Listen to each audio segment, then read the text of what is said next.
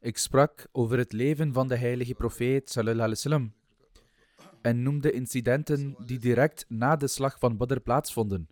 In dit verband is een van de belangrijkste incidenten die plaatsvond in het tweede jaar na Hijra de oprichting van de begraafplaats in Medina, Jannatul Baqi.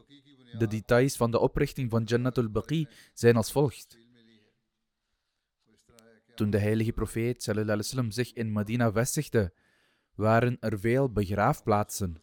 De Joden hadden hun eigen begraafplaatsen en verschillende Arabische stammen hadden hun eigen begraafplaatsen. Aangezien Medina in die tijd verdeeld was in verschillende gebieden, begroef elke stam zijn overledenen in de open velden van hun respectievelijke gebieden.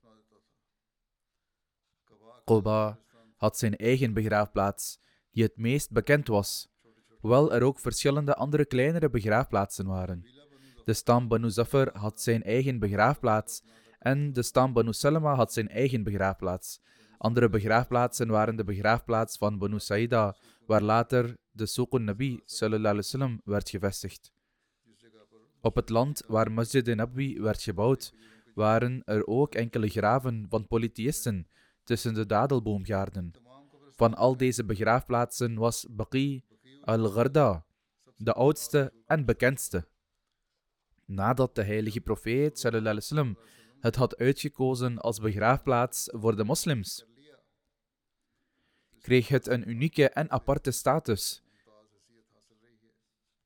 die altijd zal blijven bestaan.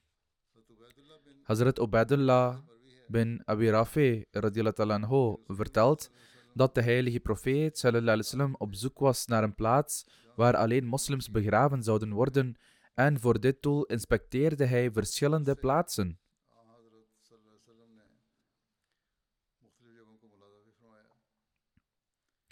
Deze eer was echter bestemd voor Baqi al-Ghargad.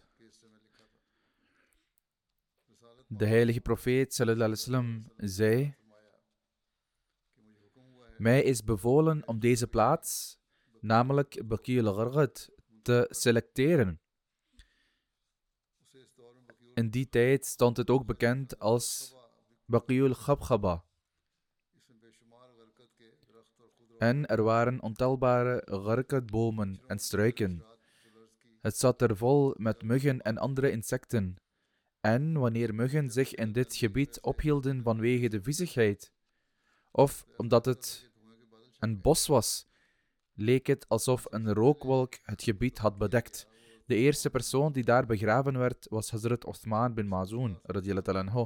De heilige profeet sallam, plaatste een steen aan zijn zijde als een aanwijzing en zei: Hij is onze voorganger. Wanneer iemand na hem overleed, vroegen de mensen aan de heilige profeet sallam, waar ze hem moesten begraven.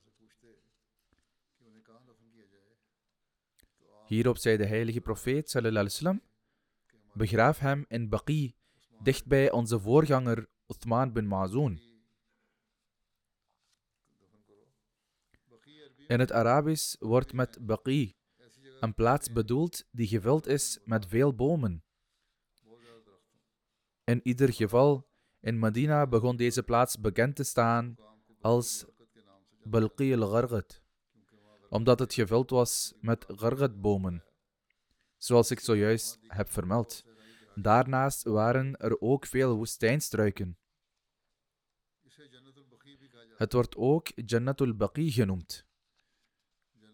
De betekenis van Jannat in het Arabisch is tuin of paradijs. Daarom staat het bij de meest niet-Arabische bezoekers bekend als Jannatul Baqi.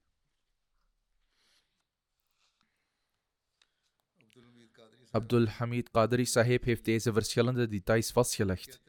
Hierna zegt hij dat we niet moeten vergeten dat Arabieren over het algemeen hun begraafplaatsen Jannat noemen. Een andere naam van deze begraafplaats is Muqabirul Baqi, die meer bekend was onder de Bedouinen. Met betrekking tot dit heeft Hazrat Mirza Bashir Ahmed Sahib in het leven en karakter van het zegel der profeten het volgende vermeld. Aan het einde van dit jaar, dat wil zeggen 2 Hijri, stelde de heilige profeet sallam, voor om een begraafplaats in Medina te creëren voor zijn metgezellen, die Jannatul Baqi werd genoemd. Na de oprichting werden de metgezellen over het algemeen begraven op deze begraafplaats. De eerste metgezel die op deze begraafplaats werd begraven was Osman bin Ma'zoon. Osman behoorde tot de meest vooruitstrevende moslims en was uiterst rechtschapen en vroom. Hij was een man met een ascetische instelling. Op een keer na moslim te zijn geworden, legde hij aan de heilige profeet sallam, voor: Als de heilige profeet sallam, zo vriendelijk is toestemming te geven, is het mijn wens om de wereld volledig te verlaten en mijzelf af te scheiden van mijn vrouw en kinderen, zodat ik mijn leven volledig kan wijden aan het aanbidden van Allah. De heilige profeet sallam, stond hem dit echter niet toe. Het is zelfs zo dat de heilige profeet sallam, met betrekking tot zulke mensen die de wereld niet volledig zouden verlaten, maar zo vaak zouden vasten en salat zouden aanbieden, dat het de rechten van hun afhankelijke personen zou aantasten, zou zeggen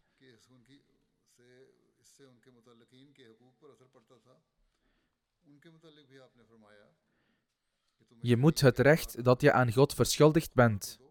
Je moet het recht dat je aan je vrouwen en kinderen verschuldigd bent. Je moet het recht dat je aan gasten verschuldigd bent.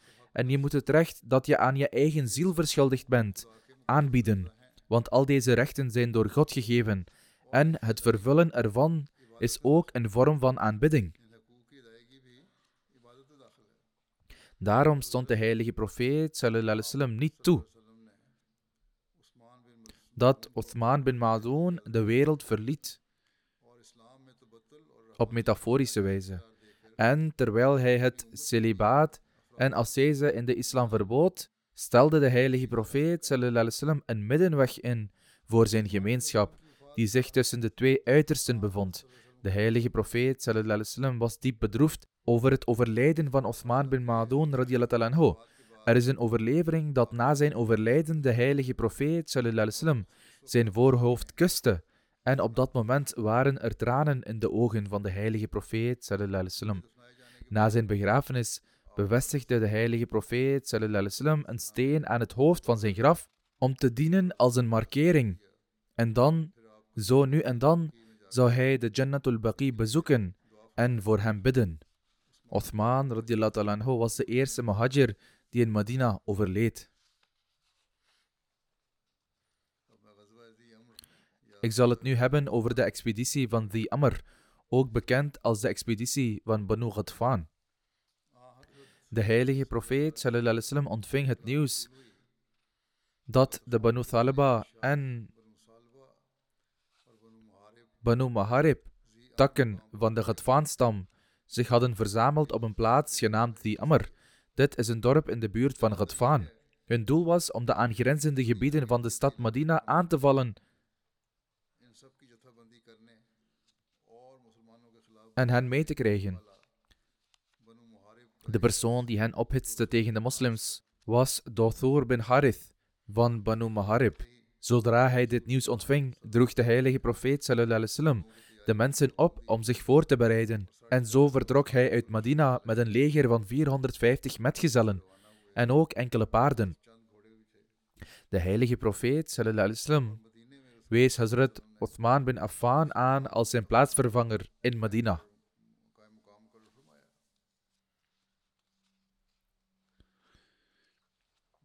De expeditie van Ghatfan vond plaats in Rabiul Awal 3 Hijri. En de heilige profeet sallam, vertrok voor deze expeditie op 12 Rabiul Awal. De mensen van Medina moesten zijn afwezigheid 11 dagen verdragen, waarna de heilige profeet sallam, op 24 Rabiul Awal terugkeerde naar Medina. Het gebied waar de heilige profeet sallam, zijn kamp opsloeg om inlichtingen over Ghatfan te verzamelen, was een plaats in de buurt van Ghatfan genaamd The Amr. En om deze reden wordt deze expeditie de expeditie van The Amr genoemd. En het wordt ook wel de expeditie van Banu Ghatfan genoemd, met verwijzing naar het feit dat het tegen de stam van Ghatfan was. in verband met het vertrek van de heilige profeet sallallahu om de samenkomst van de afgodendienaars te bestrijden, staat erop getekend dat de metgezellen na hun vertrek uit Medina een persoon van Banu Thalaba tegenkwamen bij Dhul Qassa. Dhul Qassa lag 14 mijl van Medina in de richting van Rabaza.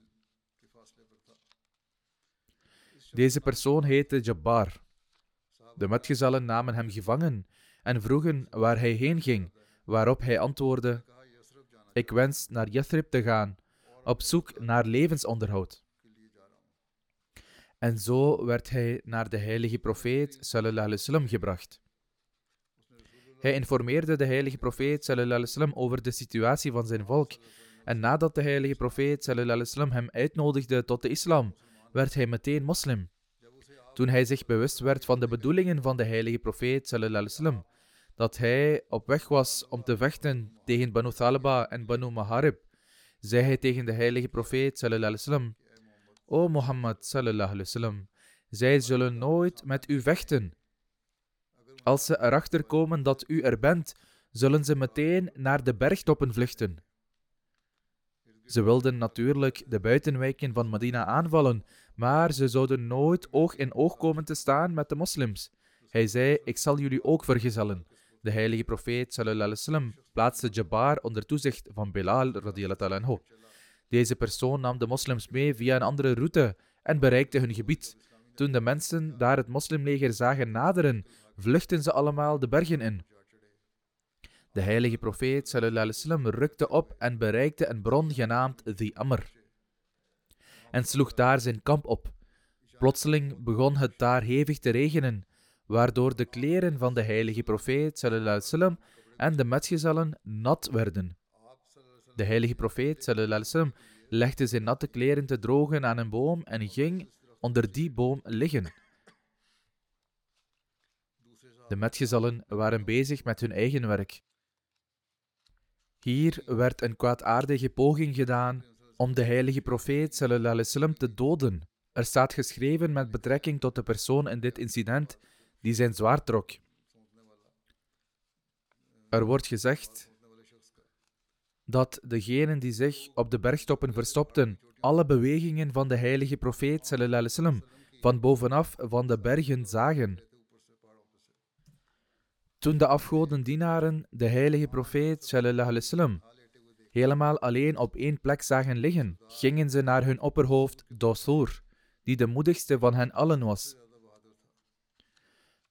De afgodendienaars zeiden tegen hem: Op dit moment ligt Mohammed sallallahu helemaal alleen. Het is nu jouw plicht om met hem af te rekenen. In het verhaal staat dat toen Dosur de heilige profeet wasallam alleen zag liggen, hij zei: Mogen Allah mij vernietigen als ik Mohammed wasallam nu niet dood. Hoe dan ook, hij ging verder met zijn zwaard getrokken in de richting van de heilige profeet wasallam, maar stopte toen hij precies bereikte waar zijn hoofd lag. Hij richtte zich toen tot de heilige profeet wasallam en zei: Wie zal je vandaag? Of hij zei: Wie zal je nu uit mijn hand redden? De heilige profeet wasallam antwoordde in het volste vertrouwen: Allah zal mij beschermen. Hierop viel de persoon op de grond en zijn zwaard viel uit zijn hand.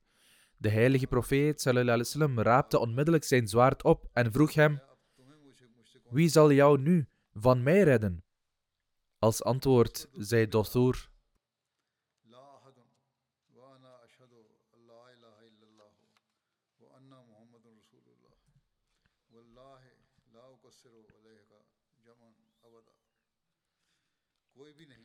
Niemand zal mij redden.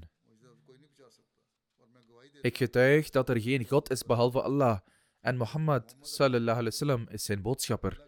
Bij Allah, ik zal nooit meer mensen tegen u ophitsen. Dit was de belofte die hij deed. De heilige profeet sallallahu wasallam gaf hem zijn zwaard terug.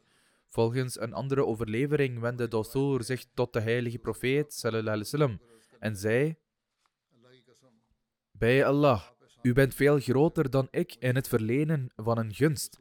De heilige profeet sallallahu alaihi antwoordde: Het is beter dat ik een gunst verleen, namelijk Ik heb het meeste recht om gunst te verlenen. Dossoer keerde terug naar zijn volk, maar hij was zo veranderd dat hij begon te prediken voor zijn volk. Dossoer heeft verteld wat er met hem gebeurde en hoe hij viel. Hij vertelde over zijn val en zei: Ik zag daar een groot persoon. Toen ik daar stond met mijn zwaard getrokken, zag ik een heel lang persoon daar komen. Hij duwde tegen mijn borst en ik viel op mijn rug. Hij sloeg hem met zijn hand en hij viel op zijn rug. Het was toen, hij zegt verder, het was toen dat ik me realiseerde dat dit geen mens was, maar een engel. Het is toen dat ik accepteerde dat er geen God is dan Allah en Mohammed alaihi is de boodschapper van Allah. Hij zei: Bij Allah, ik zal nooit meer tegen hem handelen. Daarna begon hij zijn volk op te roepen tot de islam. Door hem leidde Allah Almachtige vele mensen.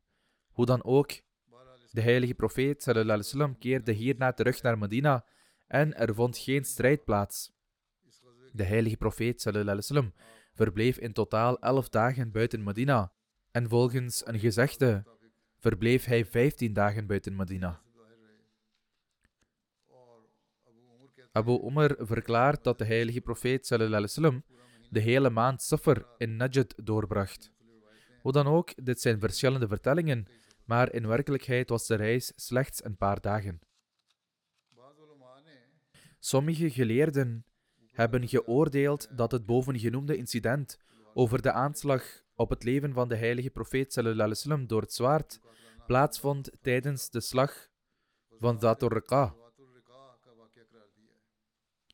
Daarmee hebben ze de twee incidenten als één en hetzelfde verklaard. Maar de meeste onderzoekers beschouwen deze twee incidenten als voorgevallen tijdens verschillende veldslagen.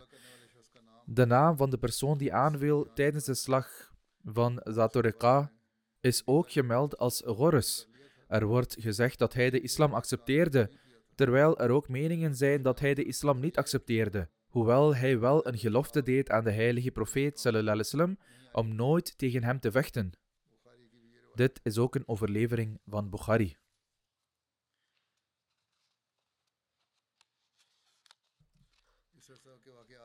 Een ander incident dat plaatsvond in deze periode is het overlijden van Hazrat Ruqayya radiyallahu ta'ala en het huwelijk van Hazrat Umm Kulthum radiyallahu ta'ala.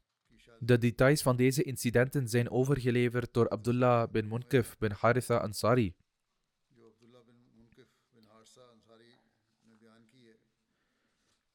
Hij vertelt, toen de heilige profeet vertrok voor de slag van Badr, liet hij zijn dochter Hazrat Ruqayya achter in de zorg van Hazrat Osman.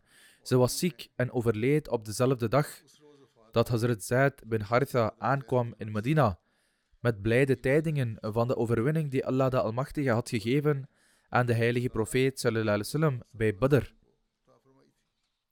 De heilige profeet sallam, wees een deel van de buit van Badr aan voor Hazrat Uthman. En zijn deel was gelijk aan het deel van degenen die deelnamen aan de strijd.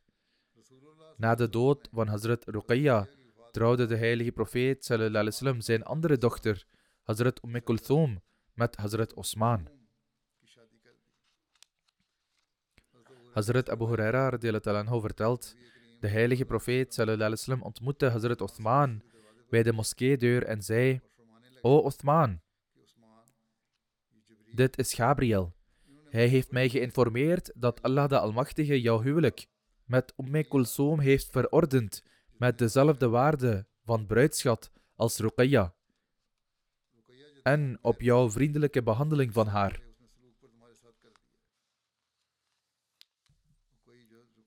Met andere woorden, Allah de Almachtige zei dat de heilige profeet sallam, ook zijn andere dochter moest uithuwelijken aan Hazrat Osman, met dezelfde waarde van bruidschat die aan Ruqayya was gegeven.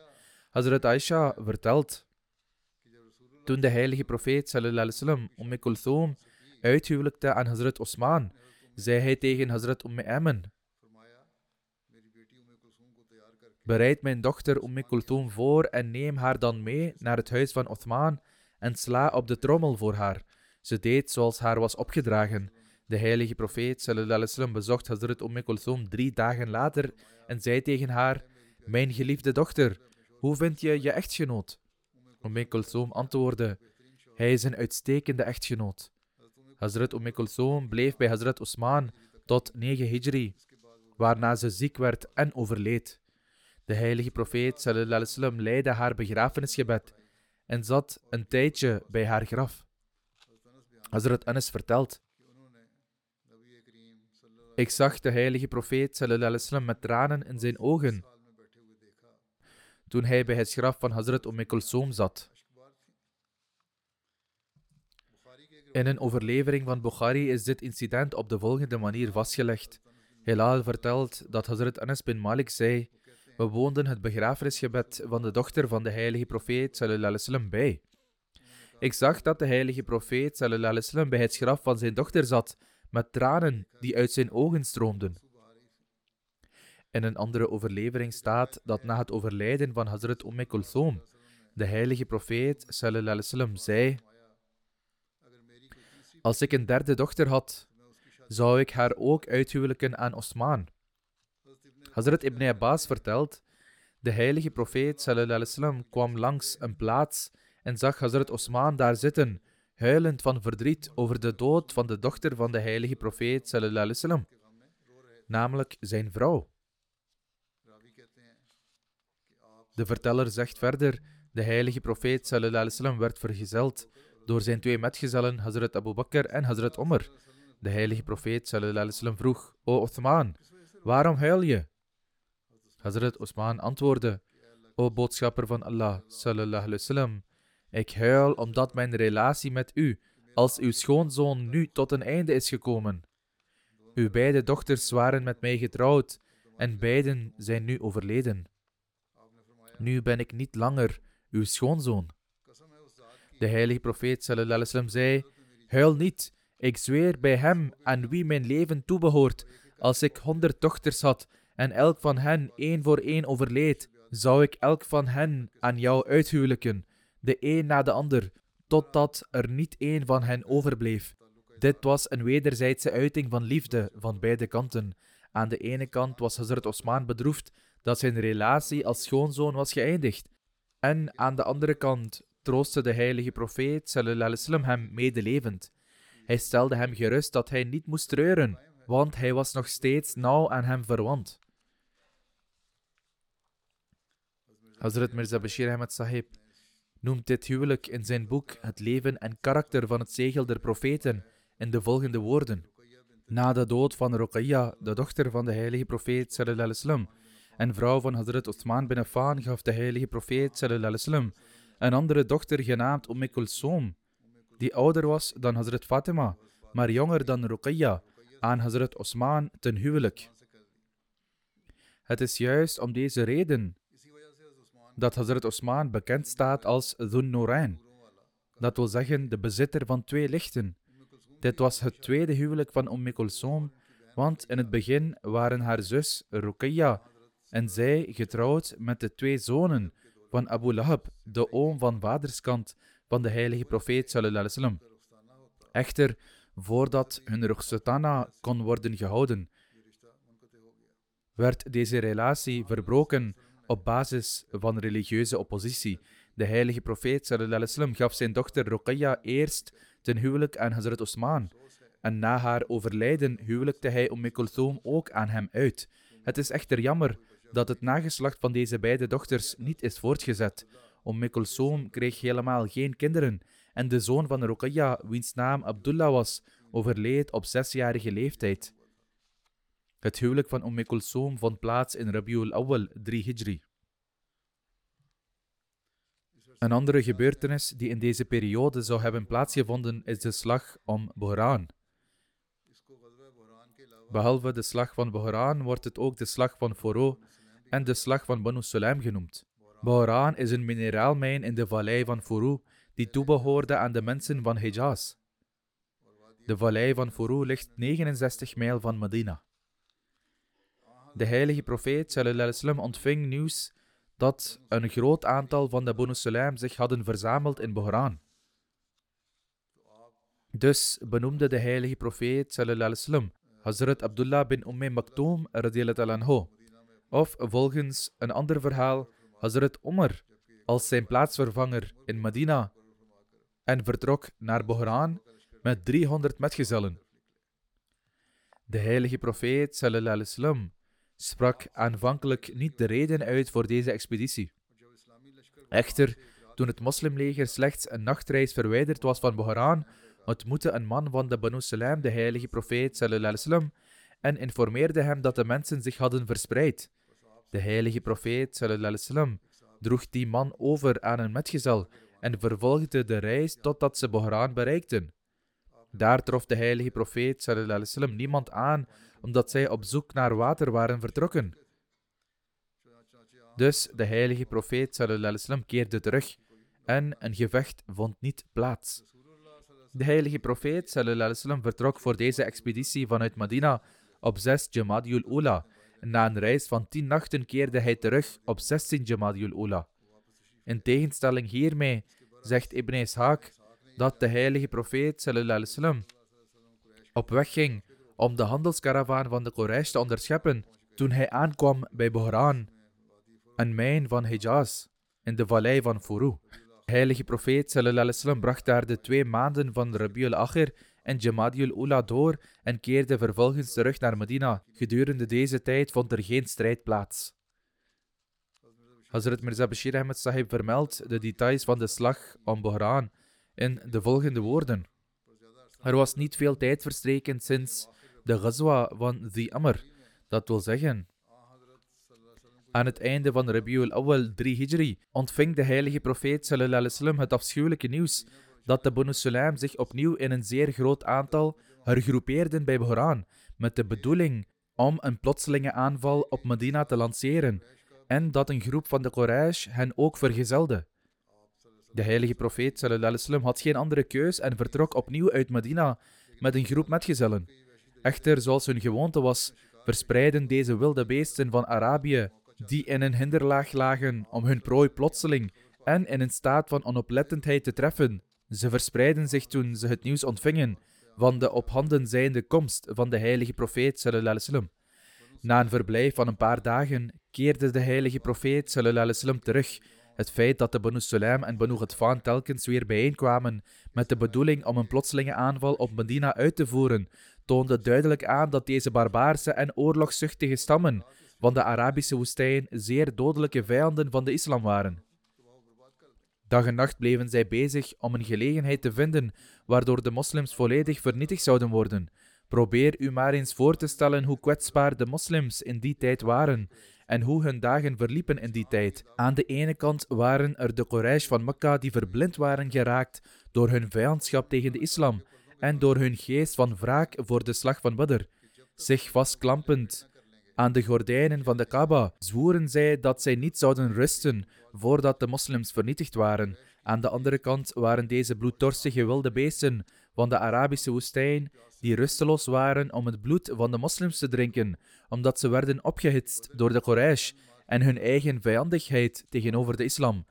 Noteer daarom hoe vaak de heilige profeet wasallam in de loop van een paar maanden na Badr genoodzaakt was om persoonlijk op reis te gaan om zichzelf te beschermen tegen de dodelijke motieven van de barbaarse stammen van Arabië. Zoals Sir William Muir heeft geschreven, waren dit ook dagen van verzengende hitte. En niet te vergeten, deze hitte was van de Arabische woestijn. Als er niet de speciale hulp van God was geweest en als de waakzaamheid van de heilige profeet wasallam de moslims niet voortdurend waakzaam en alert had gehouden en als de heilige profeet wasallam geen strategieën had gebruikt om de troepen van de vijand te verstrooien voordat zij s'nachts een plotselinge aanval lanceerden, zouden de moslims in die dagen zeker zijn vernietigd en geruïneerd. En dit waren slechts externe bedreigingen. De interne bedreigingen waren niet minder.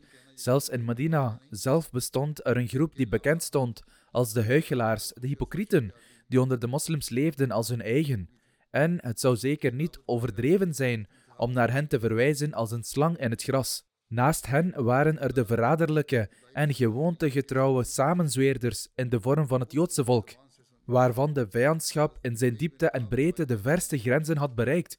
Goede genade, wat een tijd van tegenspoed was dit voor de moslims. Laten we het in hun eigen woorden horen. Ubay bin Kaab, een beroemde metgezel, vertelt: In die tijd was de toestand van de metgezellen zodanig dat zij zelfs nachts hun wapens niet aflegden, en overdag liepen zij gewapend rond.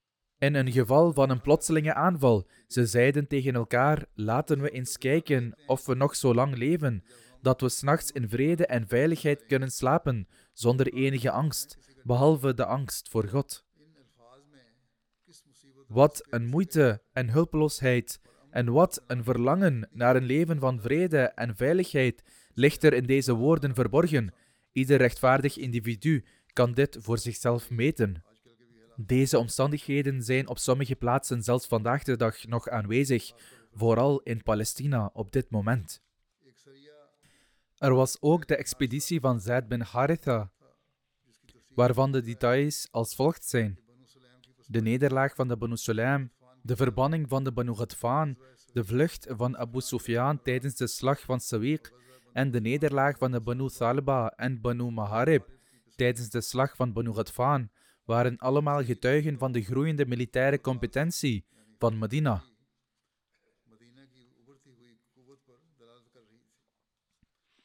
Bovenal veroorzaakten de overwinning van de gelovigen en de vernederende nederlaag van de afgodendienaren in de slag van Badr grote economische uitdagingen voor de vijanden van de islam, omdat de belangrijkste handelsroute van Mekka naar Syrië door het westen van Medina langs de Rode Zee liep.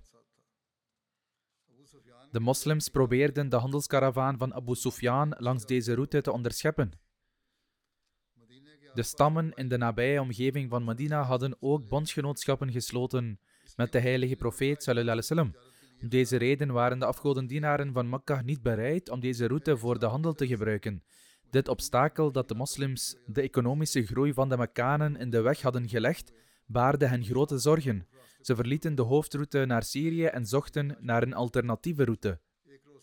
Op een dag richtte Safwan bin Umayyah zich tot de ongelovigen en zei: Mohammed sallallahu wasallam en zijn metgezellen hebben het ons moeilijk gemaakt om te leven. Zij hebben ons verhinderd om naar onze centrale plaats te gaan om handel te drijven. Ik begrijp niet wat we moeten doen. De moslims hebben niet eens aangegeven dat ze van plan zijn om het kustgebied te ontruimen. De meeste stammen die aan de kust wonen, hebben ook verdragen met hen gesloten en pakten met hen gesloten. Hoe zullen wij reizen en wat zullen wij doen? Als wij hier in Mekka blijven, zullen wij onze rijkdommen en al wat wij bezitten verbruiken. Daarna hebben we niets meer om van te leven. Dit waren de goederen die we in de zomer naar Syrië brachten en in de winter naar Abyssinië voor de handel. Wat zal er nu gebeuren? Iedereen werd bezorgd bij het horen van Safwan bin Umayyah's woorden. Aswad bin Muttalib stelde voor dat ze in plaats van de route langs de kustlijn te nemen, naar Syrië konden gaan door Irak te reizen. Safwan antwoordde dat hij geen kennis had van zo'n route. Abu Zama zei toen: Ik zal je vertellen over een gids die goed bekend is met deze route.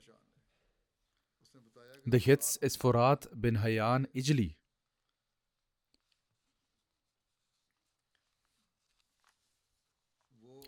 Hij gebruikt deze route vaak en is goed gekend met de reis. Safwan zwoer bij Allah en zei: Uitstekend, dit is precies wat ik wenste. Voorraad werd ontboden. Toen hij aankwam, zei Safwan: Ik wil graag met een handelskaravaan naar Syrië. Mohammed sallam heeft ons grote zorgen bezorgd, omdat onze handelskaravanen heel dicht langs hen trekken. Ik wil via Irak naar Syrië gaan. Voorraad antwoordde: Ik zal jullie leiden over een route door Irak die de metgezellen van Mohammed sallam nooit zullen ontdekken. Dit is een verlaten en onbewoond route. Safwan zei: Dit is precies wat ik wil. Het feit dat het verlaten is, is niet van groot belang, opdat het winter is en we niet zoveel water nodig zullen hebben op onze reis. We kunnen zoveel verdragen. Zij begonnen met hun voorbereidingen voor de reis. Hierna bracht Safwan bin Umayya iedereen op de hoogte van de voorbereidingen van de karavaan en nam zijn bezittingen mee. Hij nam ook schotels van zilver, zilverklompjes en andere goederen mee. Abu Zama vertrouwde Safwan ook 300 mithqal aan goud en zilverklompjes toe, zodat hij aankopen voor hem kon doen. Eén mithqal is ongeveer 4,5 gram, of precies 4,37 gram. Dit was een groot bedrag. Volgens een ander verhaal vertrok Safwan met goederen bestaande uit zilveren schalen en zilveren klompjes ter waarde van 30.000 dirham. Abu Sufyan bin Harb nam ook een grote hoeveelheid zilver mee.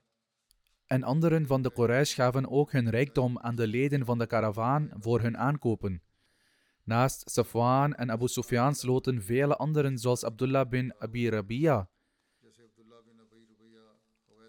en Huatib bin Abdul Uzza zich bij de handelskaravaan aan. Dus onder leiding van Forad bin Hayyan vertrok de karavaan van de Quraysh voor handel naar Syrië op een route door Irak.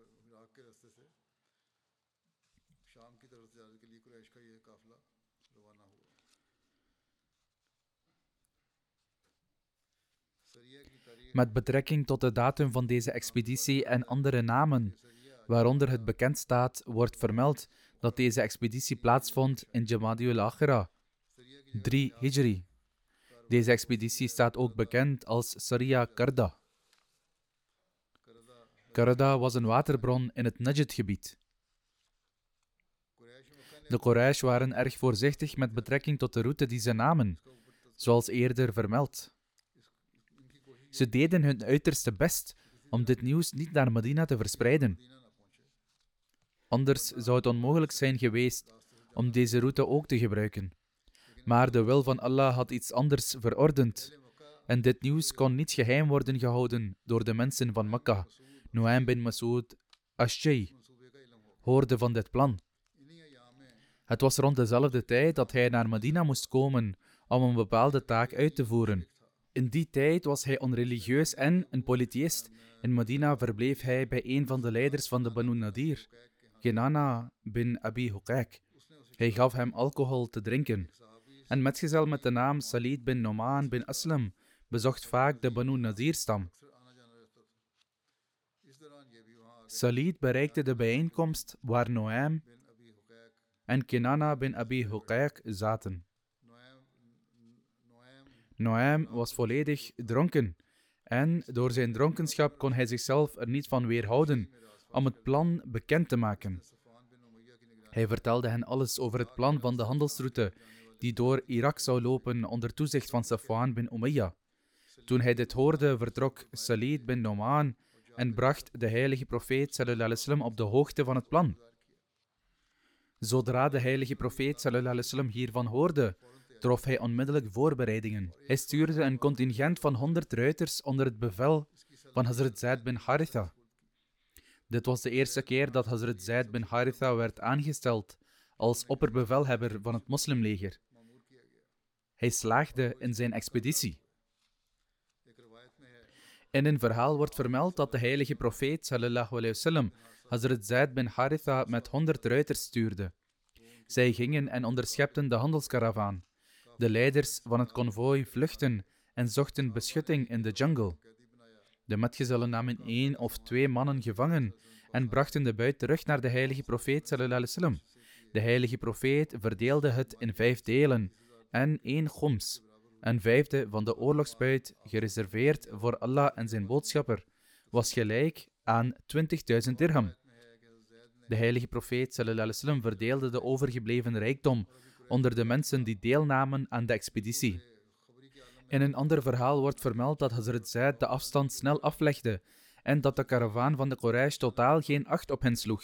Ze stonden op het punt om te stoppen bij een bron genaamd Karda, toen het moslimleger hen bereikte ze vielen plotseling aan en overmeesterden hen. Safwan bin Umayya en de andere metgezellen met hem hadden geen andere optie dan te vluchten. De moslims namen Forad bin Hayyan, de gids van de karavaan, gevangen, samen met twee andere mannen. Ze bemachtigden grote hoeveelheden gebruiksvoorwerpen en zilver met een waarde van ongeveer 100.000 dirham. De heilige profeet wasallam nam khums, namelijk het vijfde deel, en verdeelde toen de overgebleven buit onder het leger. De gids van de Quraysh, Furad bin Hayyan, accepteerde de islam door toedoen van de heilige profeet wasallam.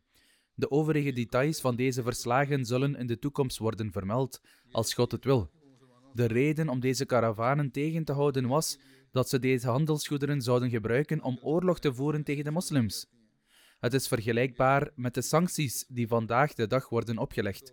Maar zij, namelijk de wereldse machten, doen dit om hun gevestigde belangen te bereiken. En soms hebben ze het helemaal mis. De Verenigde Staten heeft bijvoorbeeld sancties opgelegd aan Oeganda, omdat hun parlement een wet tegen LGBT heeft aangenomen. Hoewel ze de reden niet noemen, is dit de ware realiteit. Dit is de toestand van deze mensen. Hoe kunnen ze dan ooit beschuldigingen uiten tegen de islam? Desalniettemin zal ik deze zaken in de toekomst vermelden, als God het wil. Ik wil jullie er nogmaals aan herinneren om te blijven bidden voor het volk van Palestina, dat onderdrukt wordt. Nu zijn tenminste enkele niet-moslims en bepaalde politici, zij het schuchter, begonnen zich uit te spreken tegen dit onrecht. Zelfs sommige Joodse mensen distancieren zich van deze acties en hebben de Israëlische regering opgeroepen om te zeggen dat ze hen belasteren. Vandaar dat zelfs niet-moslims hier en daar hun stem verheffen. Nu wordt er gezegd dat er een dagelijkse pauze van vier uur in de gevechten zal zijn, zodat hulp de mensen van Palestina kan bereiken.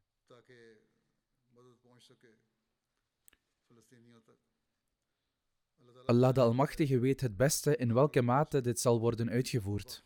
En Allah weet hoeveel onrecht en bombardementen er in de resterende 20 uur tegen de Palestijnen zullen plaatsvinden. De meeste grote regeringen en politici hechten geen belang aan het leven van de Palestijnen. Zij hebben hun eigen belangen. Maar deze mensen zouden zich moeten herinneren dat Allah de Almachtige slechts voor een bepaalde tijd uitstel geeft. Bovendien is dit niet het enige leven dat geleefd moet worden.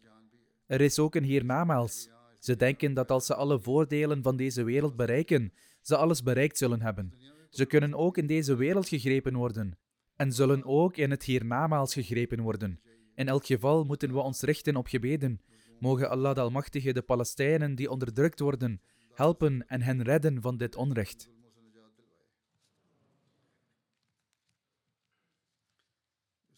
Ik zal ook enkele begrafenisgebeden in afwezigheid leiden na de gebeden. Het eerste begrafenisgebed is voor Mansoura Basma Sahiba, de vrouw van Hamidur Rahman Khan Sahib. Zij is onlangs overleden. Inna lillahi wa inna ilayhi raji'un. Zij was de kleindochter van vaderszijde van Nawab Abdullah Khan Sahib en Hazrat Sahib Zadi Amatul Hafiz Sahiba. Zij was de kleindochter van moederszijde van Hazrat Sahib Zada Mirza Sharif Ahmed Sahib anhu en Zainab Begum Sahiba. Zij was de dochter van Mia Abbas Khan Sahib en Amatul Bari Begum Sahiba. Bij de gratie van Allah was ze een musia en een zeer vrome dame. Terwijl ze haar nikah aankondigde, hield Hazrat Khalifatul Masih III een preek die verschillende adviezen bevatte en daarom zal ik een deel van die preek voorlezen. Hazrat Khalifatul Masih III Ta'ala verklaarde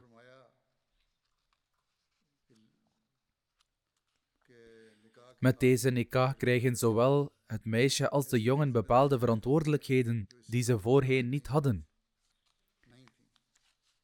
Ten eerste zijn er verantwoordelijkheden die zij ten opzichte van elkaar hebben.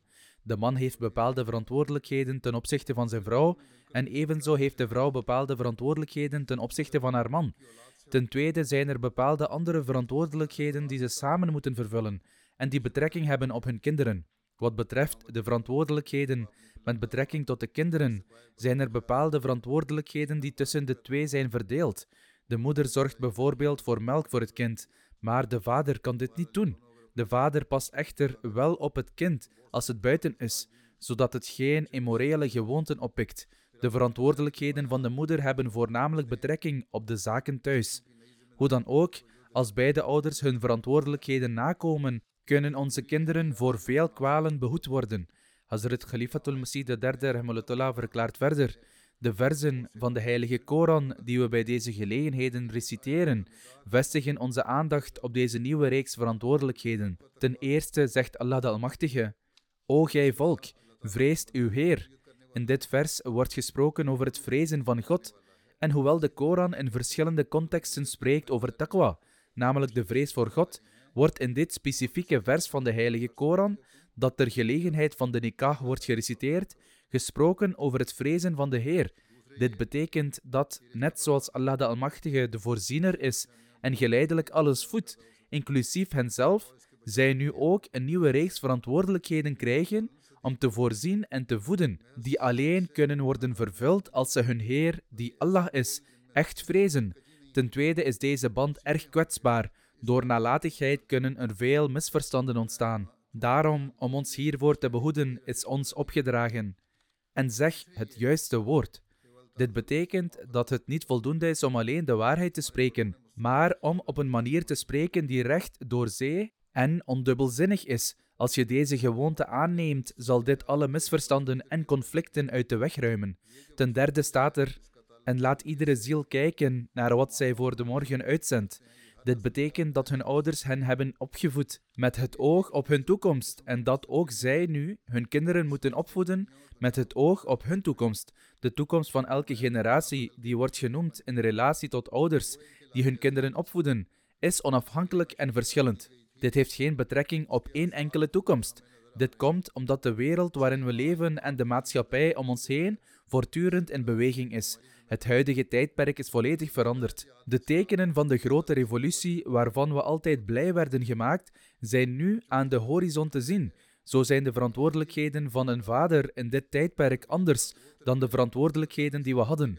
In feite moeten zij hun verantwoordelijkheden ten opzichte van hun kinderen met veel meer zorg en met een veel bredere rijkwijd te vervullen, zodat de toekomstige generaties klaar zijn om het grote gewicht te dragen van de verantwoordelijkheden die op de Jamaat zullen worden gelegd en die betrekking hebben op de opleiding van de hele wereld. Mogen Allah de Almachtige ons in staat stellen dit te begrijpen en ernaar te handelen. Hazrat Khalifatul Masih III Rahmullah verklaarde toen ik sta hier om de nikah aan te kondigen van een jong meisje die de kleindochter is van onze oom van vaderskant, Nawab Abdullah Khan Sahib, en onze tante van vaderskant, Amatul Hafiz Begum Sahiba.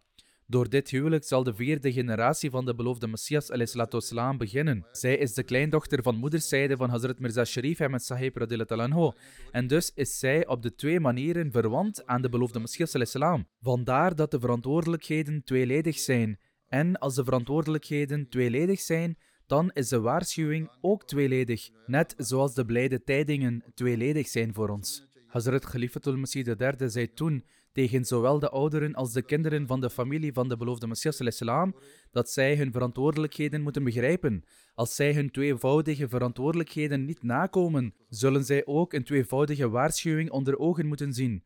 Mogen Allah Almachtige de oudsten en kinderen van de familie van de beloofde Messias islam in staat stellen dit te begrijpen. Hazrat Khalifatul Masih III zei toen, telkens wanneer ik een nikah aankondig waarin de jongen en het meisje verwant zijn aan de beloofde Messias islam, dan raak ik ook bezorgd en word ik meer gefocust op het bidden dat Allah de Almachtige hen in staat stelt om deze status te erkennen. Want als het aankomt op het zijn van helpers van de beloofde Messias islam, dan zijn zij anders dan anderen. En daarom zouden zij hun leven in deze wereld als nog grotere dienaren van het geloof moeten leven. In ieder geval waren dit zijn woorden van leiding en daarom heb ik ze vermeld. Over haar persoonlijke leven schrijft Basma Mansoura Sahiba's dochter Rabia. Ze bracht ons in contact met Allah de toen we jong waren. Ze benadrukte dat we moesten bidden voor ons geluk. Ze zei vaak: Bid dat Allah de ervoor zorgt dat hij in contact komt met goede mensen. Toen we klein waren, begrepen we niet wat dit gebed betekende. Maar naarmate we ouder werden, begonnen we het te begrijpen. Ze zegt: Mijn moeder was heel liefdevol voor mensen. Ze offerde haar eigen gevoelens op om voor anderen te zorgen. Dit was inderdaad zo. Voor mensen leek het misschien alsof ze aan zichzelf spendeerde, maar nee, ze offerde zichzelf op en zorgde in plaats daarvoor voor anderen. Ze kwam bijvoorbeeld naar Londen voor de Jalsa en nam cadeaus mee voor de armen en kreeg niets voor zichzelf. Ze voedde ook een ander meisje op, zorgde voor haar goede morele opvoeding en liet haar vervolgens ook trouwen. Naast haar zijn er veel meisjes die ze hielp trouwen. Mensen bezochten haar huis vaak. Ze stuurde ook eten naar de buren. Het was alsof er een soort gemeenschappelijke keuken was geopend. Het ging zelfs zo ver dat de man die buiten de straat veegde naar haar toe kwam als het etenstijd was en een maaltijd kreeg.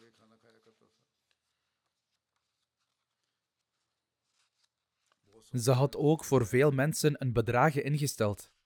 Als haar ooit werd aangeraden om iets voor zichzelf te sparen, zei ze: Ik heb nooit aan morgen gedacht. Allah Almachtige is de meester van mijn financiële behoeften.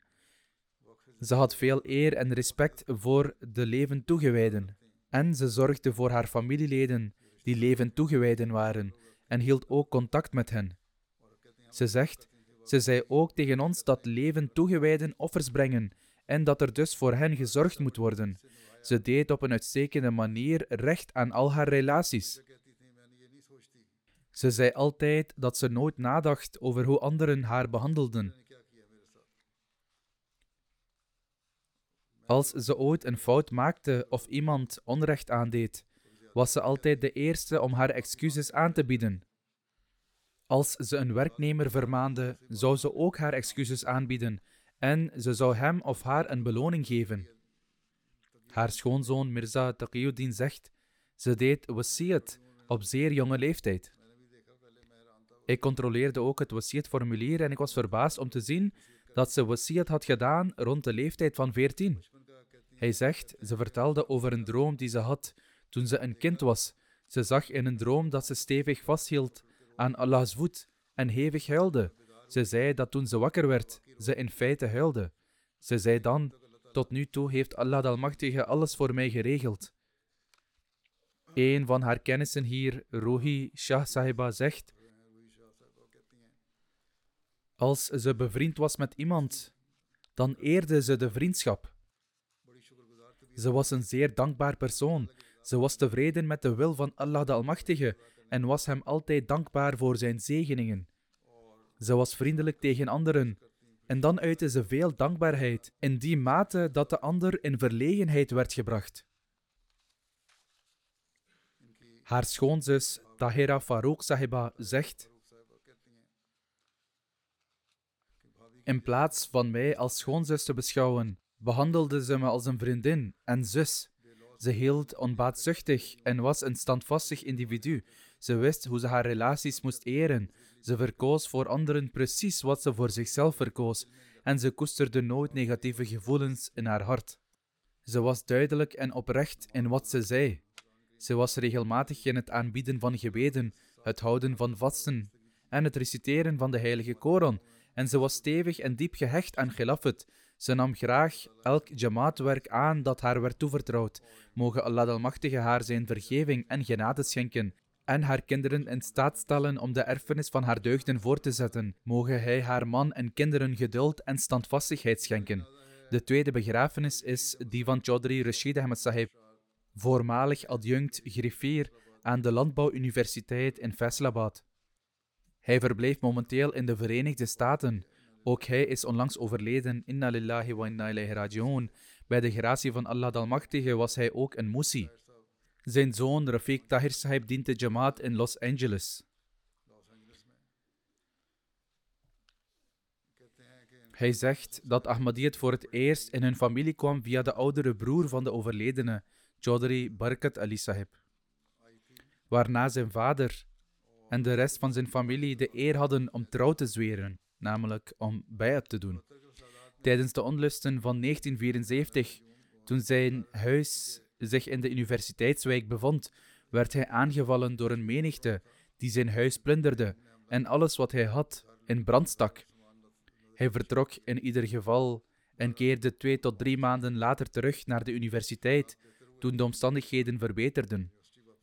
De vice-kanselier zei dat de eigenaar van de Crescent Mill zei: Ik wil uw verliezen dekken. Vertel me de omvang van de schade. Chaudhry Rashid Sahib stak zijn vinger naar de hemel op en zei: Absoluut niet. Ik neem van niemand hulp aan. Ik draag dit verlies op de weg van Allah de Almachtige. Ik heb dit verlies geleden omwille van hem en hij zelf zal de verliezen dekken. Allah de Almachtige schonk hem toen zulke zegeningen dat hij binnen een korte tijdspanne in staat was om het verlies dat hij had geleden goed te maken. Hij had een relatie van grote liefde en gehoorzaamheid met Khilafat. Hij streefde ernaar om instructies tot op de letter uit te voeren. Hij was zo betrouwbaar dat hij lid was van de universiteitsbeurscommissie. Dit is een grote eer. Op een keer was er een bijeenkomst en hij had geld gekregen om de kosten van het treinkaartje te dekken om de bijeenkomst bij te wonen. Op de terugweg zeiden enkele van zijn familieleden dat ze hem wilden vergezellen, en dus veranderde hij zijn ticket in tweede klas om bij zijn familieleden te kunnen zitten en gaf hij het resterende bedrag terug aan de regering. Op een keer ging hij naar het kantoor van de voorzitter van de University Grant Commission. En hij stuurde zijn kaart om hem te ontmoeten.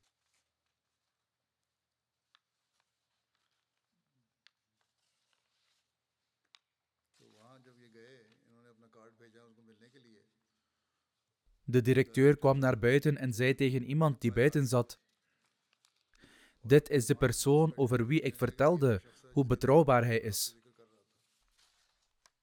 Hij maakte meteen van de gelegenheid gebruik om de Jamaat voor te stellen en zei dat hij een Ahmadi was en dat zijn betrouwbaarheid te danken was aan het feit dat hij een Ahmadi was. Dit is dus een les voor Ahmadis, dat zij altijd trouw hun plichten moeten vervullen en dat zij nooit verstrikt moeten raken in enige vorm van financiële hebzucht. Hij stond vooraan bij het geven van financiële bijdragen en het brengen van financiële offers. Naast zijn ouders en broers en zussen gaf hij regelmatig bijdragen voor Tahrik Jadid en Waqf Jadid namens de heilige profeet sallallahu en de beloofde Messias sallallahu Hij was een zeer liefdevol persoon. Hij behandelde alle studenten aan de universiteit als zijn kinderen en broeders. We kwamen allemaal samen en baden één gebed per dag bij hem thuis. Vooral het Maghrib-gebed. Hij ontmoette anderen altijd met een glimlach op zijn gezicht. Hij was een zeer medelevende persoon. Mogen Allah de Almachtige hem zijn vergiffenis en genade schenken en zijn kinderen in staat stellen om de erfenis van zijn deugden voor te zetten.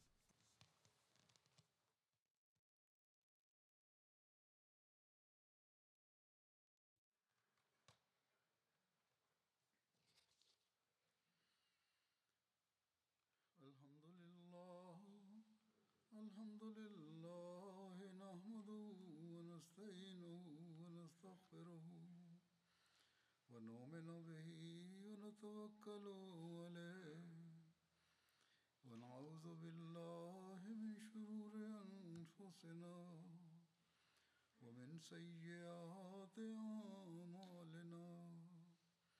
من يهده الله فلا مضل له ومن يضلل فلا هادي له ونشهد أن لا إله إلا الله ونشهد أن محمدا عبده ورسوله. عباد الله رحمكم الله. إن الله يأمر بالعدل والإحسان وإيتاء ذي القربى.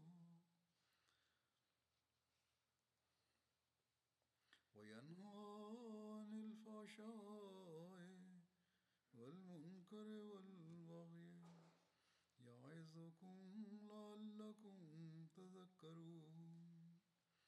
اذكروا الله يذكركم ودوه يستجب لكم ولذكر الله